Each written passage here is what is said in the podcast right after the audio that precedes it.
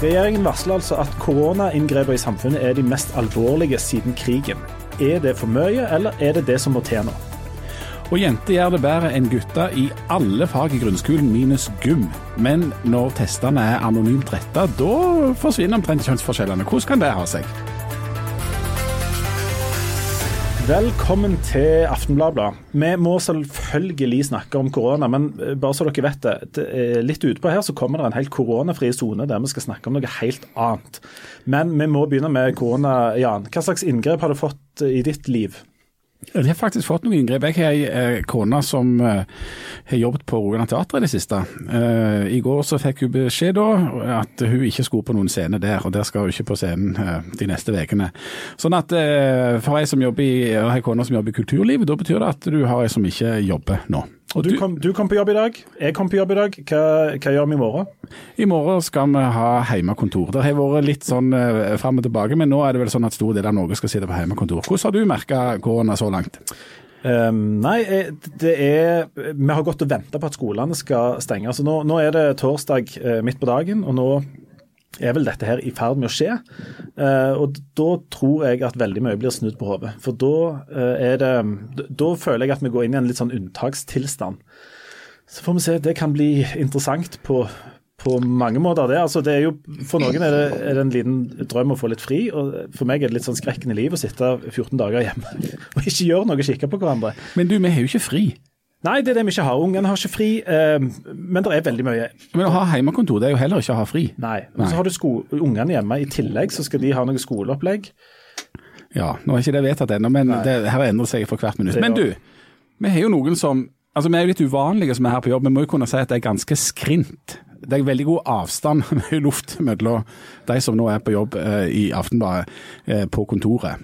Men i Sandnes, der sitter du, Camilla Bjørheim. I, ja, her sitter jeg. I karantene. Ja, i karantene. Ja. Mm. Hvorfor sitter dere i karantene, Camilla? Eh, fordi at vi har vært i Østerrike og kom hjem for over ei uke siden nå. Så eh, når vi kom hjem, så var Østerrike ikke blant de landene man frykta verst. Men det har endra seg veldig da etter vi kom hjem. Så nå har vi vært i karantene de siste dagene. Og hos, hva, hva gjør en når en er i karantene? Hva betyr det i motsetning til å ha hjemmekontor? Nei, det betyr for min del, da, som har på en måte Du kan kalle det flaks eller uflaks, men jeg begynner da på jobb når ungene kommer hjem for jeg har kveldsvakt. Så ja. mange frykter jo at hvis de skal være i karantene lenge, så skal de bli lei av familien. Foreløpig så har ikke jeg rukket det med mine unger, for jeg går ned og låser meg inn i kjelleren en time før de kommer hjem. Ja. og jobber derfra. Um, ellers er det jo sånn du du går litt og lurer på om du skal hive på en kubbe i peisen og sette deg ned og se på Netflix, eller om du burde liksom begynne å rydde i klesskapet og vaske kjøkkenskapene og sånn. Det er litt sånn ja, du vet ikke helt hva du skal ryke deg ut på. Foreløpig har jeg landa mest på Netflix. Ja. Du, denne, dere er i karantene fordi at dere var i Østerrike. Det er ingen hjemme hos dere nå som er, er syke eller har noen symptomer på noe. Og ungene deres er ikke i karantene, er det sånn å forstå? Mm. Mm. Det stemmer. Hvem er det som eh, gir beskjed om at en skal i karantene? Som, hvor kom den beskjeden fra hos dere? Nei, Egentlig så er det jo ikke noe. Det er jo ingen som ringer deg opp og sier hei, du har vært i Østerrike, du må holde deg hjemme. Eh, jeg tror at det, det, virker litt som at arbeidsgivere rundt forbi kanskje tror at det er sånn, eh, og, og, og spør deg hva beskjed har du fått fra, fra helsemyndighetene. Det, det, er ikke sånn at eh, folk flest blir oppringt. Men vi sjøl er følger jo med. Så vi har jo fått med oss at etter vi kom hjem, så har vi vært inn og ut og inn og ut flere ganger. Stavanger kommune har hatt egne retningslinjer. Sandnes har hatt egne anbefalinger. FHI har hatt sine, og det har ikke vært samsvar mellom disse. Og arbeidsgivere har hatt ulike anbefalinger. Eh, men nå, det som skjedde det siste døgnet, er vel at Østerrike har kommet på den nasjonale listen over områder med vedvarende smitte. Men noen dager før så var det bare Stavanger og Sandnes hadde Østerrike på. Sånn det er jo veldig forvirrende. Jeg, jeg, leser jo at det er mye sånn kritikk av de som er i karantene. Ikke gjør sånn som de skal, men det er ikke så veldig lett å forholde seg til de rådene som har kommet, når det er så stort sprik. Ja, for Noe av kritikken har vel vært at, at eh, ansvaret blir veldig desentralisert. Det blir des Mm. desentralisert til den enkelte kommune, som da viser seg at to nabokommuner som Stavanger og Sandnes kan ha ulike måter å håndtere det på. Det blir desentralisert til den enkelte bedrift, sånn at uh, ulike bedrifter kan ha ulike praksis. Og det blir desentralisert til det enkelte nærmest individ. Sånn at dere selv må ta stilling til, dere må følge med, dere må Mm. Ja. nærmest bestemme Ja. det, men hvordan har det vært for dere? Det, altså Forvirrende, det høres òg frustrerende ut. både forvirrende og frustrerende. Og vi har på en måte Vi har jo prøvd å være ytterst forsiktige. og og du blir jo liksom litt redd for å bli av de som folk snakker om, som ikke gjør rett. Eh, Men vi- har nok vært mer oppdatert enn folk flest på hva som har vært i gjeldende retningslinjer fra ulike offentlige instanser. da. Eh, Men, og vi har, vi har ikke vært på butikken eller Nei, nei, men, ja, men, men, hvordan, gjør tungt utover beholdningen. ja, hvordan, men hvordan gjør dere det rent praktisk? Dere, hvordan får dere tak i mat? Eh, nei, vi har jo hatt noen til å handle for oss, og vi har jo naboer og familie som ikke er i karantene, så vi ordner det. Og eh, det, det er ikke tomt i fryseboksen sånn til vanlig, så det er noe litt å tære på. Ja. Er det, eh, når det gjelder reglene, når du først da er i karantene, eh, hva, er, hva skal du da gjøre? Du skal jo ikke gå på plasser der det er mye folk. Eh, Men det betyr jo at du har lov å gå ut og gå deg en tur. Eh, Du må bare ikke stoppe å drøse med alle du treffer. Eh, Men vi har som sagt vært veldig forsiktige med å gå for mye ut. Jeg har vært ute og gått luft, lufteturer på dagtid. eh, Og da ikke- Har du hatt og briller og løsbart på deg da, for at ingen skal se deg? Jeg har ikke gjort det, men jeg har snudd meg litt vekk når jeg har sprunget forbi noen. Men, altså, hva for noen regler forholder en seg til når en da enten noen forteller deg at du blir i karantene, eller, eller en på en måte går i bresjen for det sjøl? Hvor, hvor gikk dere inn og leste liksom, de ti punktene en skal forholde seg til? Vi har hele veien, altså, når vi var i Østerrike òg, da, da var jo ikke dette blitt et stort utbrudd i Norge. Men vi, vi så jo at det kon, kunne komme.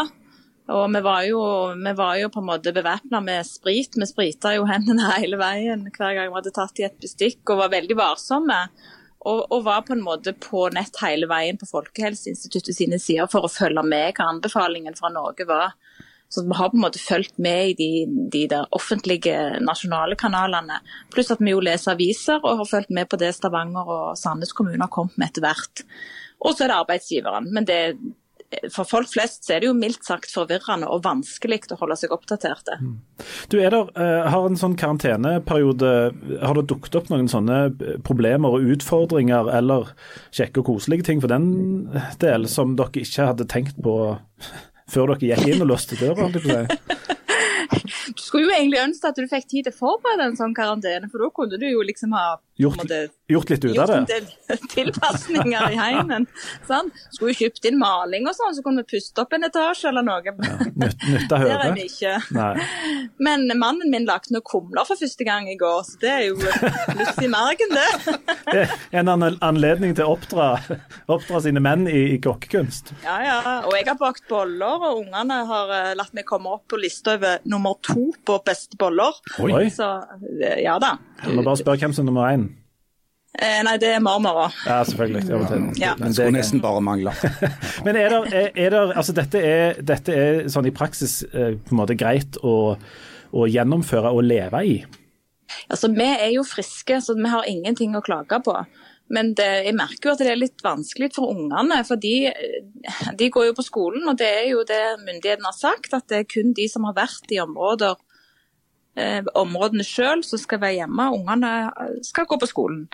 Men vi kan jo ikke drive og sende de rundt forbi. Eh, sånn at Vi har jo sagt at de skal være hjemme når de kommer hjem. da. Og Våre unger er ikke så store ennå at det er lett å forklare. altså De synes det har vært litt sånn, de forstår det ikke helt og syns det er litt frustrerende. Hvor, eh, Hva tid slutter karanteneperioden for eh, du og din mann På onsdag. på onsdag? Hva gjør dere da? Er det, da er det tilbake i jobb? og... Ja, Da regner jeg gjerne med at situasjonen er sånn at vi skal være hjemmekontor uansett. Men uh, vi kan iallfall gå på butikken og handle litt sjøl. Du gleder deg til å kunne ikke gå i ferskvarene igjen? uh, ja, jeg gjør det. Nei da. Det, det vel gjerne slutt på ferskvarer og smågodt og alt den tid. Ungene er veldig opptatt av hvordan de skal få tak i smågodt til lørdag, men jeg tror vi får finne alternativer. Da tror jeg vi skal eh, takke for, eh, for eh, praten og ønsker deg lykke til videre i karantenen din. Og så skal, skal, du få gå, og så skal vi vende blikket her mot studio. For her sitter det Jeg må bare si en siste ting. Det er at det som er dumt, eller det som du merker, er jo at du begynner jo, begynner jo til og med å lengte litt etter dere når du har vært for lenge ja, okay. hjemme. Ja, da, du, da, er det galt. Da, har, du, da har du et problem. Spinngale. Ja. vi, vi, vi, skal sende et par, uh, par bilder av oss sjøl eh, etterpå, så får du trøste deg med. Takk skal du ha, Camilla. Okay, ha det. Ha det. For her i et veldig lite rom, kan vi vel si, med ganske lite oksygen, som vi deler på, sitter altså Leif Tore Lindø og meg Jan Sahl, i lag med to forrektige kommentatorer, Harald Virkevold og Hilde Øvrebekk. Hei, hei, hei. Hallo. Du Harald, du kom inn i dag med det som muligens er det rette utstyret. Ei gassmaske og en liter med antibac. Jeg syns nesten at det måtte være såpass. Men du ja. sitter altså, du har, du har gassmaske hjemme? Det er ikke tøysegassmaske, dette er en ordentlig en. Ja, den så skikkelig ut altså. Ja. Mens du Hilde, du eh, bevæpner deg med en kopp te. Ja. Sier det noe om uh, forskjellen i nervøsitet uh, på dere to? Ja. Ja, og så tror jeg det sier litt om helsetilstand. For som, som dere Som alle nei, vet, nei, ja. så er jo Harald kanskje litt mer disponert for sykdommer enn uh, Han er jo som en magnet på alt som går. Det har jo sånn jernhelse, det er irriterende. Det er ingenting som biter på. Men du, nå, nå, uh, nå har det, det, det, siste, Noe av det siste som skjedde før vi gikk inn her, er jo altså da at regjeringa med Erna Solberg sier at dette blir de strengeste restriksjonene og tiltakene vi har sett i fredstid i Norge. Mm. Og noe som i alle fall, la oss si det, indikerer at det er et visst alvor i situasjonen, for å ikke smøre veldig tjukt på. Hvordan Nei. skal vi nå vurdere denne, denne, situasjonen, Harald? Jeg tror at det er klokt at vi nå skjønner at dette er noe vi må ta ytterst alvorlig. Både som individer og som samfunn. Eh, for det at oppgave nummer én for oss som samfunn nå er å sørge for at ikke mange, altså ikke for mange blir smitta samtidig. Eh, for det, det, er det som er clouet her. Veldig mange nordmenn kommer til å få korona. Det er helt åpenbart. Det viktige er å unngå at alle får det samtidig. Eh, for da, det skjer da det at eh, helsevesenet blir overbelasta. Sånn at de tiltakene vi gjør både individuelt og som samfunn, skal først og fremst ha som siktemål å sørge for at den toppen med antall smitta blir så liten som mulig. Eh, og at da, Alternativet til at du får veldig mange smitta på kort tid, er at du får flere smitta, men over en lang periode. Og Det er lettere for samfunnet å takle. For Hilde, det er ikke sånn at uansett hvor sterke virkemidler vi bruker, at koronaviruset blir vekke? Nei, det blir jo ikke vekk. Eh, men det er jo som Harald sier, at du sprer det litt ut. Eh, men jeg tror jo òg litt av grunnen til at eh, regjeringen kommer nå ut og sier det, at det er faktisk vi har gjort ganske mye. De har satt inn tiltak, de har stoppet ting. De, har, de prøvde å stoppe Kollen. Eh, det kom masse folk likevel. Og så ei uke etterpå så sier folk at eh, nei, dere gjør ikke nok. Eh, men, de, men da har jo allerede de samme folkene vært ute der og, og menga seg med tusenvis av andre folk og risikert smitte. Så det er litt sånn Først så roper de på at dette er bare tull, vi bare går likevel. Og så nå sier de at regjeringen har gjort feil, fordi at de har ikke satt i gang de tiltakene eh, hurtig nok. Og så sier de men lås oss inne nå, fortell oss hva vi skal gjøre. Eh, så det er litt sånn, folk må liksom ta inn over seg at nå når, folk, når de faktisk sier sånn og sånn og sånn må dere gjøre, så må de bare rette seg etter de eh, retningslinjene, og de må høre på myndighetene, og spesielt helsemyndighetene, og ikke begynne å ta sånne grep selv om å ta ut eh, unger av skolen og sånn, når helsemyndighetene ikke har gått inn og sagt at det, det gjør vi nå. Vi må vente til de som har virkelig eh, kan dette her. Eh, jeg kan ingenting om pandemi. Eh, du kan ingenting om pandemi, eh, men helsemyndighetene kan jo det. De setter de beste folkene på det, og da må vi lytte til de ekspertene som kan det. Men jeg har lagt merke til nå på Facebook at det er veldig mange som har blitt eksperter på epidemiologi og smittespredning og sykdom og det både det ene med det andre. De har, de har en liten pause fra, fra USA-ekspertisen her, og er, nå er alle USA-ekspertene erstatta med sånn epidemieksperter. Mm. Men, men altså selv om jeg er enig med mye av det Hilde sier om at vi nå må lytte til myndighetene og forholde oss til det, så, så, har jeg stor forståelse for at mange syns at myndighetene har vært for treige. Altså å ikke komme på banen fort nok. Uh, og Særlig tror jeg at mange fikk vann på mølla når de så hva som skjedde i Danmark i går, hvor Mette Fredriksen gikk ut og bare rett og slett stengte Danmark for mange praktiske formål. Uh, de har etterlyst den type lederskap i Norge òg. Eh, at, at det kommer en ordre fra toppen og ned. For i en sånn situasjon, hvis vi innser at nå har vi en, en kan vi si, har, altså Verdens helseorganisasjon har erklært at dette er en global pandemi. Eh, det er satt i gang nasjonal beredskap i Norge og veldig mange andre land for å takle denne situasjonen. Da er det på en måte en del av den kontrakten vi har som innbyggere med samfunnet, at når det da kommer ordrer, så følger vi de. Eh, og når folk da ikke har fått de ordrene fra toppen av, eh, så har jeg vært enig med de som har kritisert regjeringen for å ha vært litt for sånn reaktive. De sitter og venter på at det skal bli alvorlig nok før de gjør noe istedenfor å ta preventive tiltak i bruk. Men, men verken Mette Fredriksen eller Erna Solberg er jo heller eksperter i epidemiologi. Nei, jeg klarer ikke vanskelig å uttale det ordet. Altså, men, men, de har jo gitt ansvar for dette til Folkehelseinstituttet og til Helsedirektoratet. Ja, men hør nå. altså Det, det Folkehelseinstituttet og Helsedirektoratet og alle andre sånne gjør, de rapporterer til regjeringen. Sånn? ja, men nå har jo de, de, de har jo fått en fullmakt her. Det er jo de som skal gi ordrene.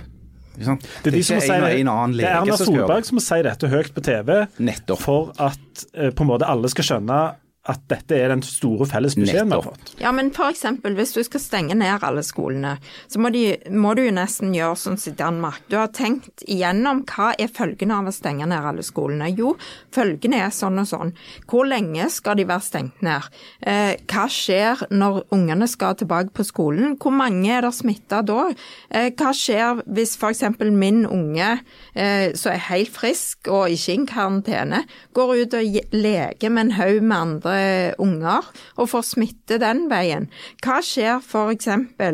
Eh, hvis eh, ja, alle slags sånne scenarioer må du ta til inntekt for Altså, du må planlegge. Eh, er det to leger som har et barn, så må de legene på jobb, fordi at de er en del av helsevesenet. Hvem skal ta seg av de ungene? Ikke alle har naboer, ikke alle har besteforeldre som kan gjøre det. I Danmark så har de tatt et forbehold om at eh, disse barna skal ha et sted å være. Det er sånne ting du må planlegge for.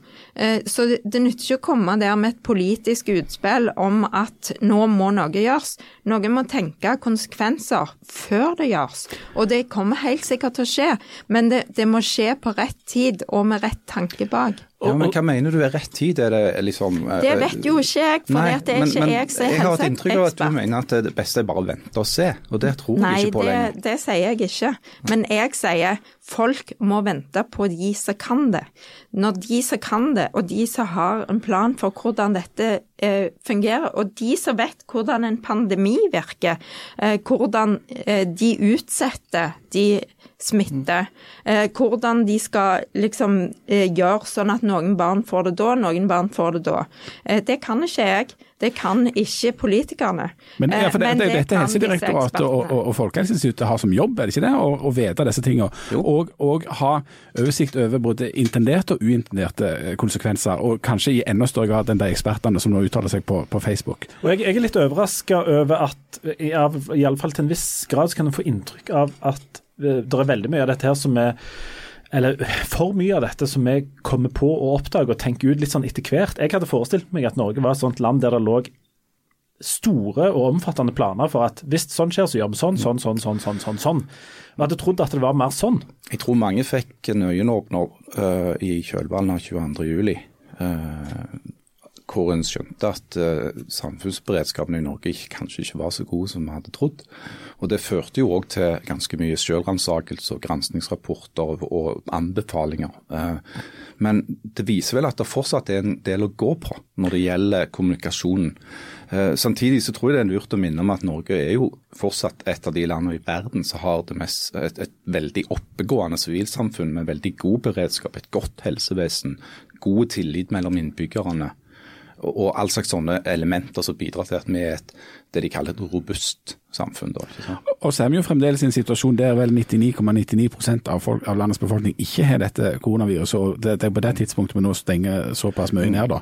Men hvis smitten fortsetter i samme tempo som man gjør nå, så kommer 200 000 nordmenn til å være smitta i løpet av ganske kort tid, f.eks. innen påske. Mm. Det kan bli interessant, eh, Hilde. For hva gjør vi da? Ja, men det, det, er jo akkurat det. Eh, og derfor så mener jo jeg at istedenfor at partier da eh, prøver å slå politisk mynt på dette her, både på det økonomiske og på utviklingen av sykdommen og alle de tiltakene som blir satt inn, så burde de nå komme sammen.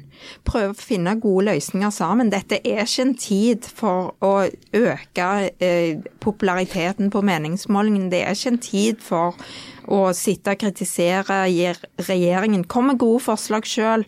Ikke bare si at nei, dere gjør, gjør ikke nok og, og, helsemyndighetene må gjøre sånn og sånn. Ta, eh, ta liksom og gjør hva du vil. Og, men, se, men, ser du tendenser til at noen prøver å slå politisk, politisk mynt på, på, denne situasjonen? Ja, absolutt. I dag når, de, når SV og MDG kom ut og sa at vi må stenge ned skolene nå, eh, så, så lytter jo ikke de til helsemyndighetene. Og tidligere i uka, når SV prøvde å si at de økonomiske tiltakene som de har satt inn fram til nå, eh, at de ikke er gode nok. At de liksom favoriserer de rike framfor de fattige, og at dette lager store skiller mellom rike og fattige. Og så prøver de å bruke det der politiske budskapet sitt eh, i et eller annet spe, politisk spill.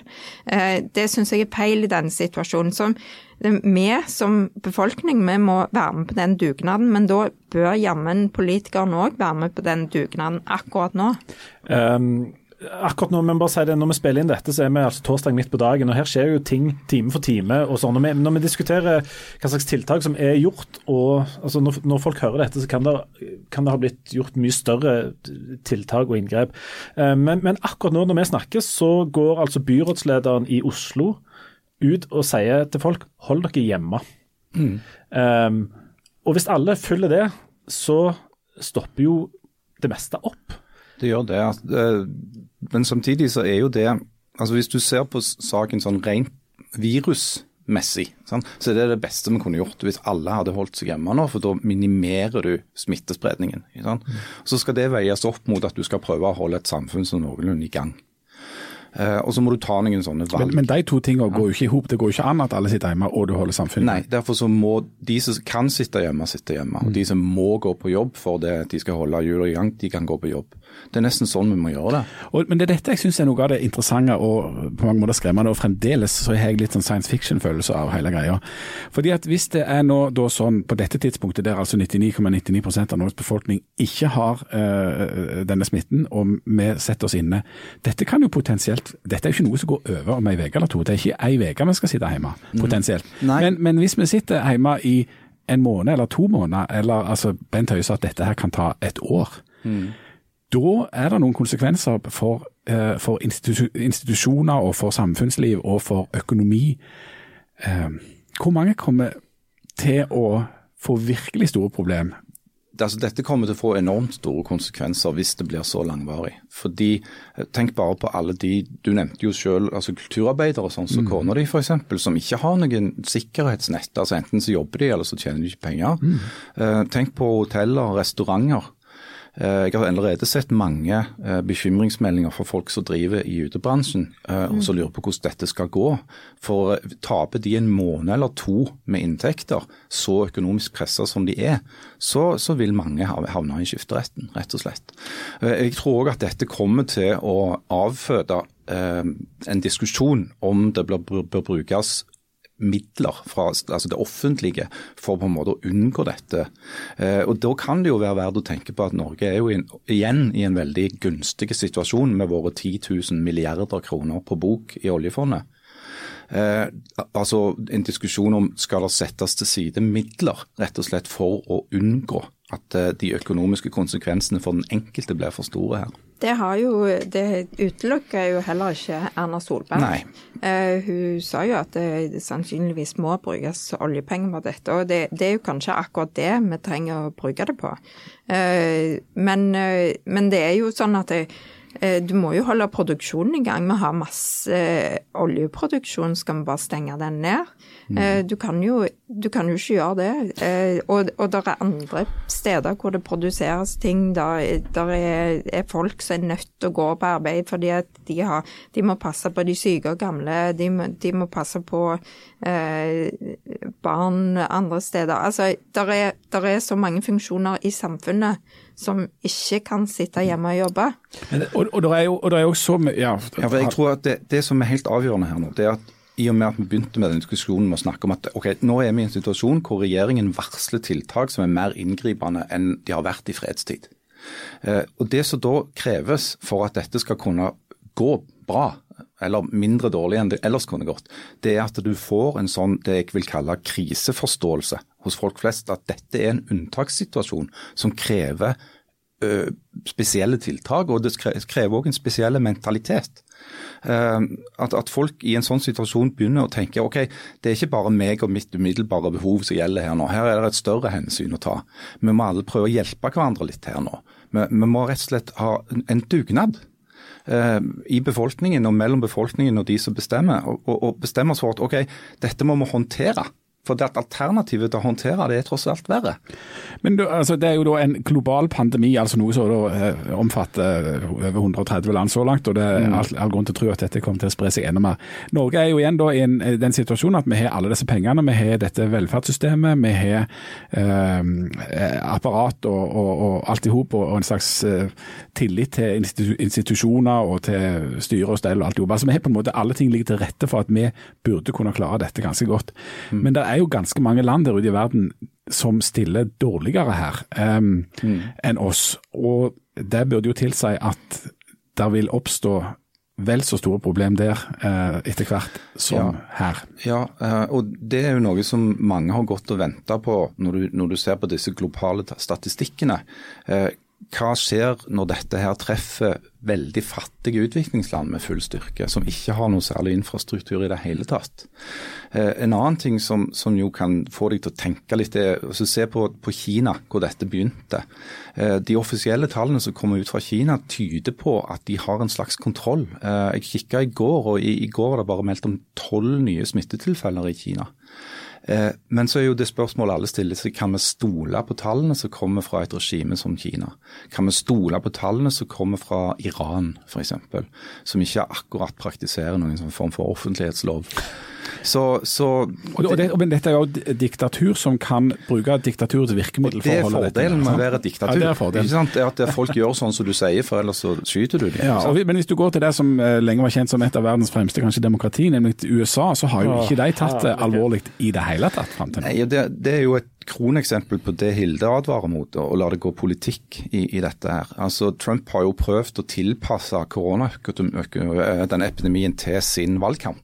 Eh, ved f.eks. å stadig vekk gjenta at korona er utenlandsk. Mm. Eh, og altså må betraktes på, på lik linje med muslimer og, og andre uønska elementer eh, i det amerikanske samfunnet. Eh, du har òg hatt eh, faktisk eh, folk som i fullt alvor har kalt korona for upatriotisk. ja, det er jo, det er jo ja. demokratene sin feil. Det, det, er jo de som har innført dette korona, og, og, Trump er jo ekspert på korona, så han, han, han mener jo at eh, det skal forsvinne i april. Mm. og da, når han sier det, så er det veldig mange som tror på det. Eh, vi skal snart avslutte koronaen, men helt til slutt. Det blir mye snakk om sånn dugnad, alle må bidra med det de kan og sånt. Og til slutt så tenkte jeg at vi må vi skal òg oppfordre folk til en dugnad når det gjelder hva slags informasjon og hva slags fakta folk sprer rundt dette. Ja. For nå er det, der er det mye løye. Det er mye folk, å gå på. folk må rett og slett holde opp med det. Ja, og jeg tenkte i mitt stille indre at det folk først og fremst bør gjøre, er å ikke spre så mye. Altså rett og slett dempe frekvensen for hva du sender ut på Facebook eller hvor du holder på. Og hvis du skal dele noe, så skal du være 110% sikker på at det du sender er fra en god kilde, og at det er den informasjonen folk faktisk trenger. For eh, jeg ser særlig når folk eh, har sett en eller annen overskrift i, fra et annet land enn Norge, så blir det sendt rundt så mye galskap og ting som er feil, at det er, en, det, det er skremmende å se hvor, hvor den lista ligger. Jeg har en annen oppfordring òg. Det er at hvis folk absolutt skal holde på i sosiale medier og, og styre og stelle nå, eh, så istedenfor å prøve, å prøve å framstå som en som har, plutselig kan enormt mye om epidemier og sånt, eh, lag en Facebook-gruppe for nabolaget ditt og spør om det er noen som trenger hjelp med noe. Det var en god idé. Absolutt, det syns jeg alle skal gjøre. Og så eh, er det jo sånn at dette, dette koronaviruset overskygger av naturlige grunner alt annet akkurat nå. Eh, Det gjelder både for oss som jobber i mediene og liksom i folks hverdag. Men det foregår og skjer andre ting òg. Og før dette begynte, Jan, Ja. så satt du eh, innelåst og leste side opp og side ned av statistikker og bøker og alt mulig som handler om kjønn. Ja. Uh, Og dette er den varsla koronafrie sonen. Ja. Man var heldig med timing og det. Vi er kjempeheldige. Du og kollega Kine Hult har holdt med et stort prosjekt som handler om forskjellen på jenter og gutter og kvinner og menn. Eh, Blant annet i skolesektoren, nå- som nå kanskje blir stengt ned, men i en normal skolesituasjon Ja. i Norge. Hvordan klarer gutter og jenter seg der? Der er det store bildet at gutter klarer seg mye dårligere enn jentene. På alle nivå i hele greia. Jentene går ut med omtrent eh, 10 bedre karakterer fra grunnskolen. Det gjør at det gjør noe både med motivasjonen deres for å ta videregående utdanning, og med sjansen deres for å fullføre. Altså, eh, det er langt flere gutter som, eh, som faller ut av videregående opplæring. Jentene går ut med mye bedre karakterer fra videregående, noe som gjør at de stiller mye sterkere når de skal søke seg inn i høyere utdanning. Eh, på de vanskeligste fagene å komme inn på, f.eks. sånn som psykologi og veterinær, og sånn som det der, så er det 70-80 eh. Eh, når eh, likestillingsloven ble vedtatt i Norge i 1978, der det står en hel del ting om at altså kjempe mot diskriminering og, og alt det der. Og så står det til slutt at eh, loven er spesielt eh, tenkt å altså innretta mot eh, kvinner. Eh, På det tidspunktet så var det fire av ti studenter i høyere utdanning kvinner. I dag er det motsatt. I dag er fire av ti studenter i høyere utdanning menn. Og det, og det, er, eh, det interessante og det paradoksale er at Norge er altså det nest mest likestilte landet i verden, ifølge World Economic Forum, men vi har altså noen av de største kjønnsforskjellene i skolen i hele OECD-området. Det er paradoksalt, og det er interessant, og det er interessant å prøve å gå inn i hvordan det kan ha seg, og det er det jeg har gjort i denne artikkelen. Den artikkelen kan dere altså lese i, i Aftenbladet, det syns jeg dere skal gjøre. For alle, vi trenger alle noen koronapauser, og her er det ganske mange interessante dilemmaer. I, på en måte, når du beskriver det nå, så kan det høres ut som at eh, en slags sånn, Nå tar damene over, og nå må vi snu likestillingen til å handle om menn. Er vi der? Der er vi på absolutt ingen som helst måte. Det er flott at det har blitt gjort noe med eh, kjønn og med likestilling i Norge. Um, men hvis, vi- hvis, vi- hvis en skal være en konsekvent, eh, hvis en konsekvent skal tenke på likestilling og tenke på det underrepresenterte kjønn, eller på at et kjønn gjør det dårligere på et eller annet område, så må jo det gjelde uavhengig av om en er kvinne eller mann. Altså at hvis, eh, hvis en kvoterer inn damer inn på ett fag eh, fordi at det er så få damer der, så burde jo det samme logikken gjelde hvis det er et fag som det omtrent ikke er menn på, skulle du tro. Der har jo f.eks. psykologistudiet i mange år søkt om å få lov å kvotere inn eh, menn på embetsstudiet, og det har de fått nei til helt fram til i fjor. Der var, eh, der, når NRK Brennpunkt telte opp i fjor, så var det 120 studier som eh, ga ekstra kjønnspoeng til kvinnelige studenter, mens det var sju for eh, menn. Sånn at hvis vi skal, og det er det som også ligger litt av dette prosjektet, at vi må se på eh, det er ikke svart-hvitt dette, og det er ikke så enkelt. Altså, noen, på noen områder så, gjør, så, så er mennene overrepresentert, eh, på andre er kvinnene overrepresentert. Noen av de områdene er det muligens ikke så mye å gjøre noe med. altså Menn og kvinner velger f.eks. veldig ulike yrker. Hvis du ser på det norske arbeidslivet, så er det egentlig veldig sånn kjønnsdelt og, og, sektordelt. altså. Veldig mange flere eh, kvinner som jobber i offentlig sektor, veldig mange flere menn som jobber i privat sektor. Men det er ikke sånn at alle de mennene som jobber i privat sektor tjener så veldig mye bedre for det om menn i snitt tjener bedre enn en kvinner. Altså, I Norge er det lik lønn for likt arbeid. altså Hvis du har samme jobb i samme virksomhet med samme ansiennitet, altså alt er likt, så er det lik lønn for likt arbeid. Dokumentert av Likelønnskommisjonen allerede i 2008. Men, men, men altså, gå inn i, i sånne ting og, og problematisere det. det syns vi er interessant. Mm. Eh, det, som, det er helt eh, åpenbart at det som Jan har skrevet om her, og som andre har skrevet om fra andre innfallsvinkler tidligere, er viktig å snakke om. Eh, og Hvis det er én ting som har både irritert meg og kanskje òg forbausa meg litt, det er i hvor stor grad den type debatt og den type journalistikk får motstand fra såkalte feminister som har en tendens til å så latterliggjøre eh, forsøk på å snakke om menn eh, og menn sine utfordringer. Eh, der du kan risikere å møte argumenter som at eh, ja, nå, nå begynner de å klage, ja. Sånn. Men de tenker ikke på at sånn har kvinner hatt det i lange tider. Akkurat som dette er en slags eh, fotballkamp, mm. der det nå er det andre laget som leder, og da får det bare være sånn. Altså, hvis målet med likestilling er likestilling, så er jeg jo helt enig med Jan at det må jo være knekkende likegyldig hvilket et kjønn som har et problem. Det er jo det som er målet for likestilling, det er jo at det skal være likt.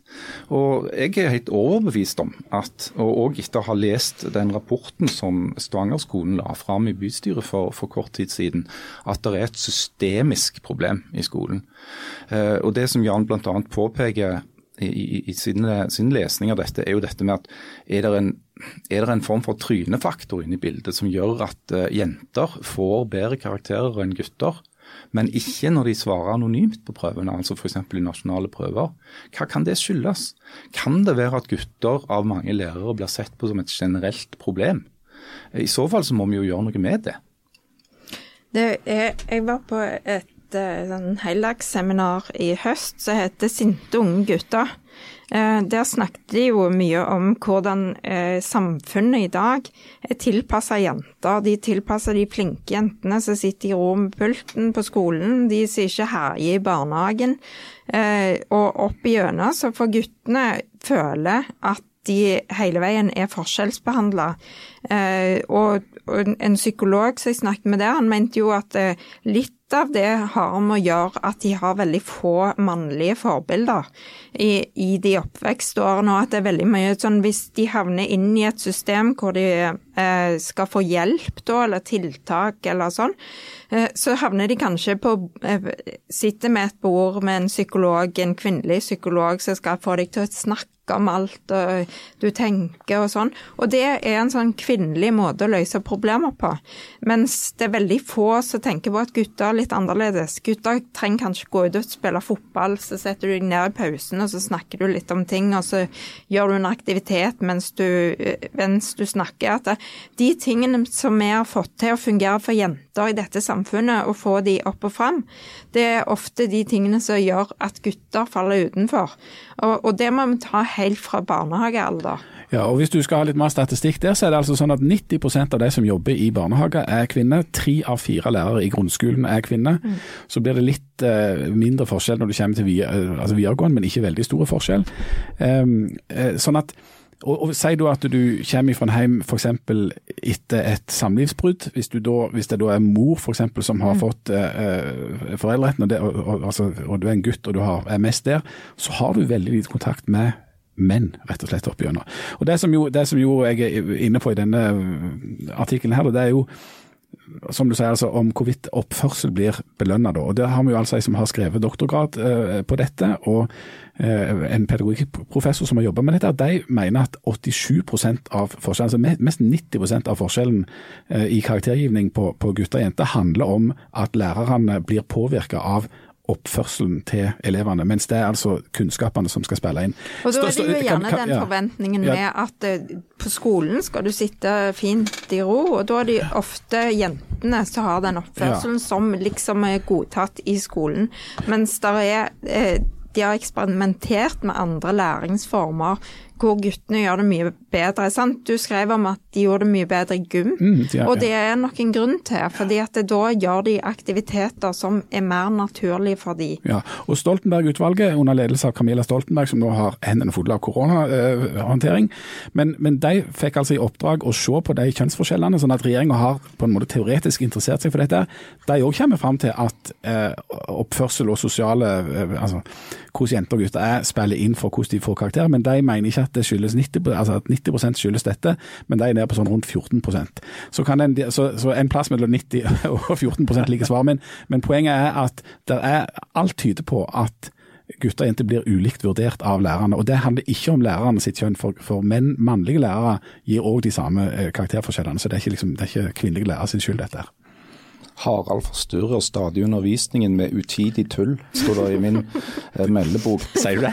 Med utidig tull. Det høres ut som en slags jobbeskrivelse. Fra Det, det, det sånn har jeg bare fortsatt, på en måte. var det fra universitetet? Dette var fra, fra, fra mer mastertiden, ja. Eh, Nei, dette var fra når jeg begynte på grunnskolen. For det, jeg hadde jo det der typiske problemet som mange har, at jeg kunne lese og skrive når jeg begynte på skolen, og så var jeg gutt, og så hadde jeg veldig mye sånn maur i rumpa. Så jeg syns jo dette var utsigelig kjedelig. Ja. Og da var jo det Hovedproblemet var ikke at jeg ikke lærte noe på skolen, hovedproblemet var at jeg bråkte, selvfølgelig. Men det interessante er at regjeringen satte altså ned et utvalg fordi de ser dette problemet. Men, men noe av det aller mest interessante og skremmende med denne artikkelen er det som Camilla Stoltenberg avslutter med å si, nemlig at etter at de leverte den rapporten for ett år siden, så er det ingen som har omtrent interessert seg for den. Altså De har fått på bordet 64 forslag til tiltak. Det er, ingen som har tatt de etterpå. Nei, det er ganske oppsiktsvekkende, for det er, det er som du skriver òg, at eh, det er jo noe som ikke har slått ut helt ennå. Og vi kommer til å se det i tiden framover. Du sa jo det med at det er, har ikke å gjøre med kvinnelige lærere eller kvinner, men, men det, er en, det er en tenkemåte som er en kvinnelig måte å tenke på, som har slått igjennom, eh, og som blir praktisert av både kvinner og menn. Og den passer ikke nødvendigvis for gutter. Hadde, altså Hvis det hadde vært omvendt, så, hadde, så, så er det jo altså Det heva over enhver tvil at det ville vært en nasjonal krise. Eh, hvis det var sånn at kvinner og jenter gjorde det så systematisk dårligere på skolen enn gutter. Eh, det hadde blitt tatt grep umiddelbart. Eh, og det, det kan bare skyldes at det rett og slett ikke er så farlig hvordan det går med gutter. Ifølge de som bestemmer. Men vi klarer altså ikke å håndtere mer enn én nasjonale krise om gangen. Og akkurat nå har vi en annen. Men som du sier, Hilde, det der med den kvinnelige uh, tenkemåten og væremåten og handlemåten, den tror jeg mange av oss, bl.a. meg, skal bli veldig godt kjent med de neste ukene. Nå, jeg, jeg kommer til å bli sittende hjemme med hele familien, som er utelukkende består av kvinner, uh, og skal prøve å finne ut av det med, i en slags store pøl av jobb, uh, mulig smitte, handling, karantene lekser, eh, Skype-skole og jeg vet ikke hva. Da skulle Men- du vært meg. Vet, vet du hva jeg har? Nei, jeg har hytte på fjellet som ligger langt fra folk. Ja, men hvem skal redde er- deg når du får Nei. Der skal jeg være sammen med alle våpnene mine. Masse hermetikk, eh, sprengstoff, feller, fiskestenger. Men hvem skal skrive sure oppgulp i Jeg skal, jeg skal gå opp på nærmeste haug og sende et oppgulp en gang til dagen. Skal jeg gå rett tilbake igjen og barrikadere meg. Men Leif Tore, plan A er likevel at vi neste uke òg lager podkast. Altså, samfunnet kan jo ikke stoppe helt opp. Nei, det får være måte på. Vi, vi skal komme eh, knallsterkt eh, tilbake neste uke. Og så tenker jeg at vanligvis så pleier vi eh, gjøre oss til å være torsjende og, og sånt. Nå, og nå Harald Birkevold går nå foran og tar på seg en gassmaske som han har funnet fram. for sånn ut som dette. det er Nydelig. Når vi treffer sånn rundt omkring. Ja. Dette er da Harald Birkvold som eh, tester gassmaska. Det er fremdeles pust, Jan. Og jeg hadde, jeg hadde tenkt at vi ikke skulle avslutte med tant og fjas i dag, og rett og slett oppfordre folk til å ta, for én gangs skyld, ta Harald Birkvold på ordet. og opp, Hvis du skal bruke den tida du nå får gjerne hendene til å gjøre et eller annet, lag noen grupper. F.eks. på Facebook i nabolag eller venner og sånt, og hjelp hverandre med det de folk eventuelt må trenge hjelp til. Det syns jeg er en fin ting å gjøre i en sånn situasjon. For nå er det dugnad. Ja, og så vask hendene litt. Ja. Ja. Og hvis du har litt ekstra kapasitet, så bruk den nå. Så er vi tilbake igjen til neste uke. Eh, Harald Birkevold, som er kjent for alle disse fæle tatoveringene sine, han vurderer fortløpende å tatovere et bilde av dette koronaviruset på seg nå. Eh, og der skal vi holde dere òg løpende oppdatert. Men enn så lenge sier vi takk for i dag. Snakkes om ei uke. Ha det. Ha det bra. Ha det.